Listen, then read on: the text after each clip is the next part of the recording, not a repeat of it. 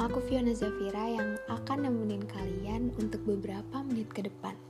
Selain dari apa yang tertulis di judul, kali ini aku akan membahas seputaran tentang apa itu self-acceptance dan aku juga akan membacakan satu cerita dari salah satu volunteer FTB.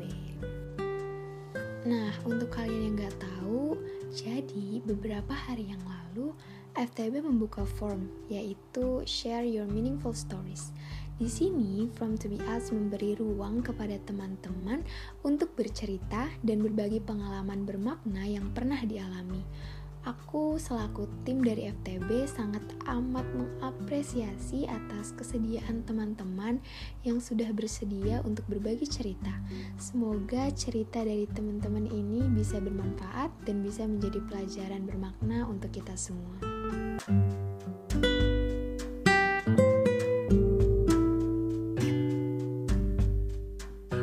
Hmm, Oke, okay. kondisi yang bikin kita mempertanyakan kualitas diri kita. Diomongin jerawatan, gendutan, yang katanya kita nggak berharga, yang katanya kita nggak pantas dapetin semua. Rasanya tuh kayak perselisihan yang gak ada ujungnya gak sih? Jujur ya, aku tuh kadang ngerasa kasihan gitu sama orang yang selalu ngasih komen buruk ke orang lain. Tau gak sih, sebenarnya tuh rata-rata dari mereka cenderung apa ya nggak bisa menikmati hidupnya sendiri dan nggak bisa ngelihat orang lain bahagia. Tujuan mereka ngomong jahat tuh kayak cuma pengen dapat validasi bahwa mereka lebih baik dari kamu dan mereka cuma pengen kamu kelihatan jelek di mata orang lain. Dan menurut aku kamu tuh harus bisa buktiin ke mereka kalau kamu tuh nggak serendah yang orang itu ucapkan. Perlahan tapi pasti sebelum itu coba deh kamu tuh kayak berdialog sama diri kamu sendiri. Misal nih ya ada yang ngata-ngatain kamu. Segera lihat keadaan yang ada kira-kira kamu beneran gak sama gak nih kayak apa yang orang itu bilang?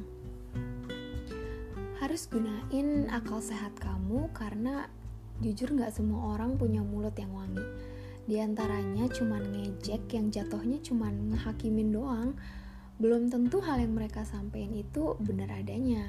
Kalau kamu ngerasa nggak seperti apa yang orang itu ucapin saran aku sih bisa langsung dihirauin aja ya buat apa coba buang-buang waktu mikirin hal yang gak bener adanya? Kalian pernah dengar gak sih quotes tentang kalau pemikiran itu gak berdampak buat lima tahun kamu di masa depan jangan buang-buang waktu kamu lebih dari lima menit untuk memikirkan hal itu. Aduh jujur buat aku pribadi ini quote nusuk banget sih. Bener-bener bisa bikin aku jauh dari yang namanya overthinking. Uh, tapi coba kita beralih ke sisi lain. Misal nih ya, ada orang yang ngatain kamu kayak lo tuh bego banget, ngitung gini aja nggak bisa. Misal gitu nih. Lagi-lagi coba buat melihat keadaan yang ada. Misal menurut kamu omongan orang itu tuh kayak ada benernya juga nih dan setelah kamu pikir-pikir kayak loh iya juga. Kayaknya emang aku kurang pintar. Nah ini dia. Ada kalanya kamu tuh harus nganggep omongan itu. Coba untuk terima kenyataan kalau kamu memang kurang pintar. Nah, hal ini ada sangkut pautnya dengan self acceptance atau penerimaan diri yang akan aku jelasin. Penerimaan diri ini berarti menerima, mengakui, dan menghargai pencapaian maupun keterbatasan diri kita sendiri. Ada yang berpendapat bahwa penerimaan diri ini berarti kita nggak berkembang, berarti kita berhenti di tempat. Padahal jelas-jelas pandangan ini salah Nyatanya, kalau kita sanggup menerima diri kita sendiri, kita akan tahu letak dari ketidakmampuan dan kekurangan kita, sehingga kita bisa memperbaikinya menjadi lebih baik lagi.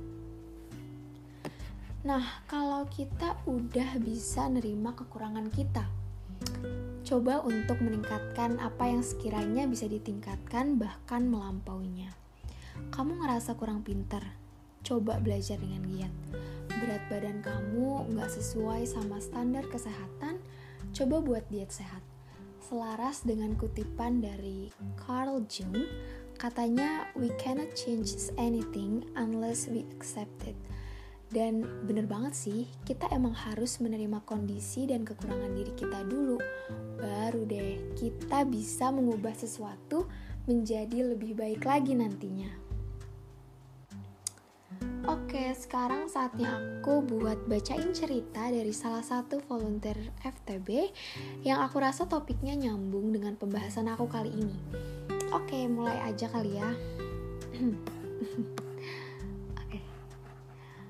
Pas kelas 10, aku pernah ada di tahap benci sama diri sendiri. Selama setahun, aku punya penyakit spondilitis TB. Dokter mengharuskan aku untuk operasi karena kalau nggak operasi, katanya aku bisa lumpuh. Aku benar-benar terpukul. Terlebih lagi, TB adalah penyakit menular yang otomatis ngeharusin aku ngerasa sendiri. Posisinya, waktu itu aku lagi mondok. Suatu ketika, ada anak yang keluar pondok dan bilang sama ketua yayasan kalau dia juga kena penyakit TB. Dia punya penyakit TB karena ketularan aku orang tuanya datang dan marah-marah. Orang tuanya bilang semacam, gara-gara kamu, anak saya harus banyak minum obat. Kenapa kamu maksain mondok bawa-bawa virus sih? Di situ aku cuma bisa nahan nangis sambil nunduk. Baiknya ketua yayasanku bilang, Bu, anak ini sekolah secara pulang pergi, dia nggak bawa virus kok dan semua barang miliknya dijadikan terpisah. Aku ngerasa menjijikan banget. Aku ngerasa nggak berguna karena waktu itu aku lagi jadi koordinator keamanan pondok. Pada awalnya, aku harus izin absen entah itu terapi atau berobat. Tapi kata orang tuaku, aku lebih baik keluar aja. Cuma ketua yayasanku lagi-lagi baik banget. Beliau bilang, nggak usah, kamu pulang pergi aja gak apa-apa sampai sembuh. Dua bulan kemudian, aku baru berani operasi tulang belakang karena keadaanku mulai kelihatan buruk seperti aku lama-lama membungkuk dan sering kaku secara tiba-tiba. Operasi berjalan semestinya. Setelah operasi selesai dilaksanakan, aku disuruh untuk istirahat tiga bulan. Tapi baru satu bulan rasanya aku mau buru-buru ke pondok karena nggak enak punya tanggung jawab di sana. Pas aku kembali ke pondok, ketua yayasan cerita kalau anak yang keluar kemarin ternyata punya asma faktor genetik, bukan TB gara-gara ketularan aku. Dia juga minta maaf udah nyalahin aku. Gak jauh dari itu, ada pemilihan ketua takasus tingkat pondok dengan penilaian berbagai macam tes, seperti hafalan, imla, penulisan, dan lain-lain. Pas hasilnya keluar, aku seneng banget. Ternyata aku terpilih dan nama aku diumumin. Lingkungan pondok juga mulai terbiasa sama aku. Teman-temanku juga gak terlalu memandangku jijik. Spondilitis aku juga perlahan membaik. Meski sekarang aku masih pasang 6 pen di punggung dan masih minum obat, aku merasa bangga sama diri sendiri karena usahaku yang menunjukkan bahwa aku berguna gak sia-sia aku mengembangkan kecintaanku sama dunia literasi dan penulisan. Sampai sekarang, aku masuk sastra Inggris dan punya beberapa buku antologi puisi.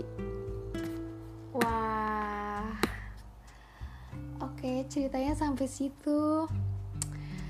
Jujur aku merinding banget sih. Aduh, untuk siapa pun yang nulis ini, beyond proud. Aku mau ngucapin terima kasih banyak udah mau berjuang, udah mau bangkit dari keterpurukan karena jujur dapat perlakuan diasingin dan dianggap berbeda sama orang lain tuh berat banget gak sih dan dari cerita ini aku dapat banyak banget pelajaran yang bisa diambil mulai dari gimana kita harus menerima diri kita sendiri, gimana kita harus berdamai sama keadaan, dan gimana caranya kita harus berusaha untuk bangkit. Karena tentu itu bukan sesuatu yang mudah dan pastinya butuh waktu yang panjang. Makanya kalian harus percaya sama proses dan percaya kalau waktu tuh emang bakal nyembuhin. Oke deh, kayaknya kita udah sampai di penghujung episode 11 ya. Aku lagi-lagi mau ngucapin terima kasih yang sebesar-besarnya untuk semua tim volunteer yang udah bersedia untuk sharing-sharing dan bersedia buat cerita sama kami karena jujur dari aku pribadi, cerita dari kalian semua sangat amat menginspirasi. Dan aku juga bacain beberapa cerita yang vibesnya agak kurang enak lah ya.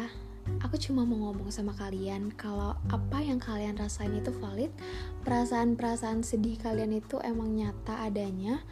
Makasih banyak udah mau berjuang, udah nggak nyerah dan bisa sampai di titik ini aku bangga banget sama kalian.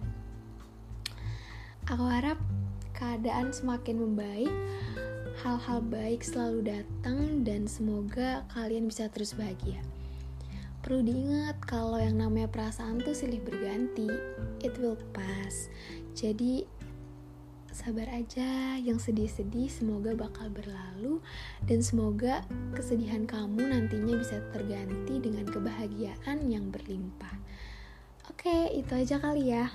Makasih banyak udah mau dengerin episode kali ini. Sampai ketemu lagi.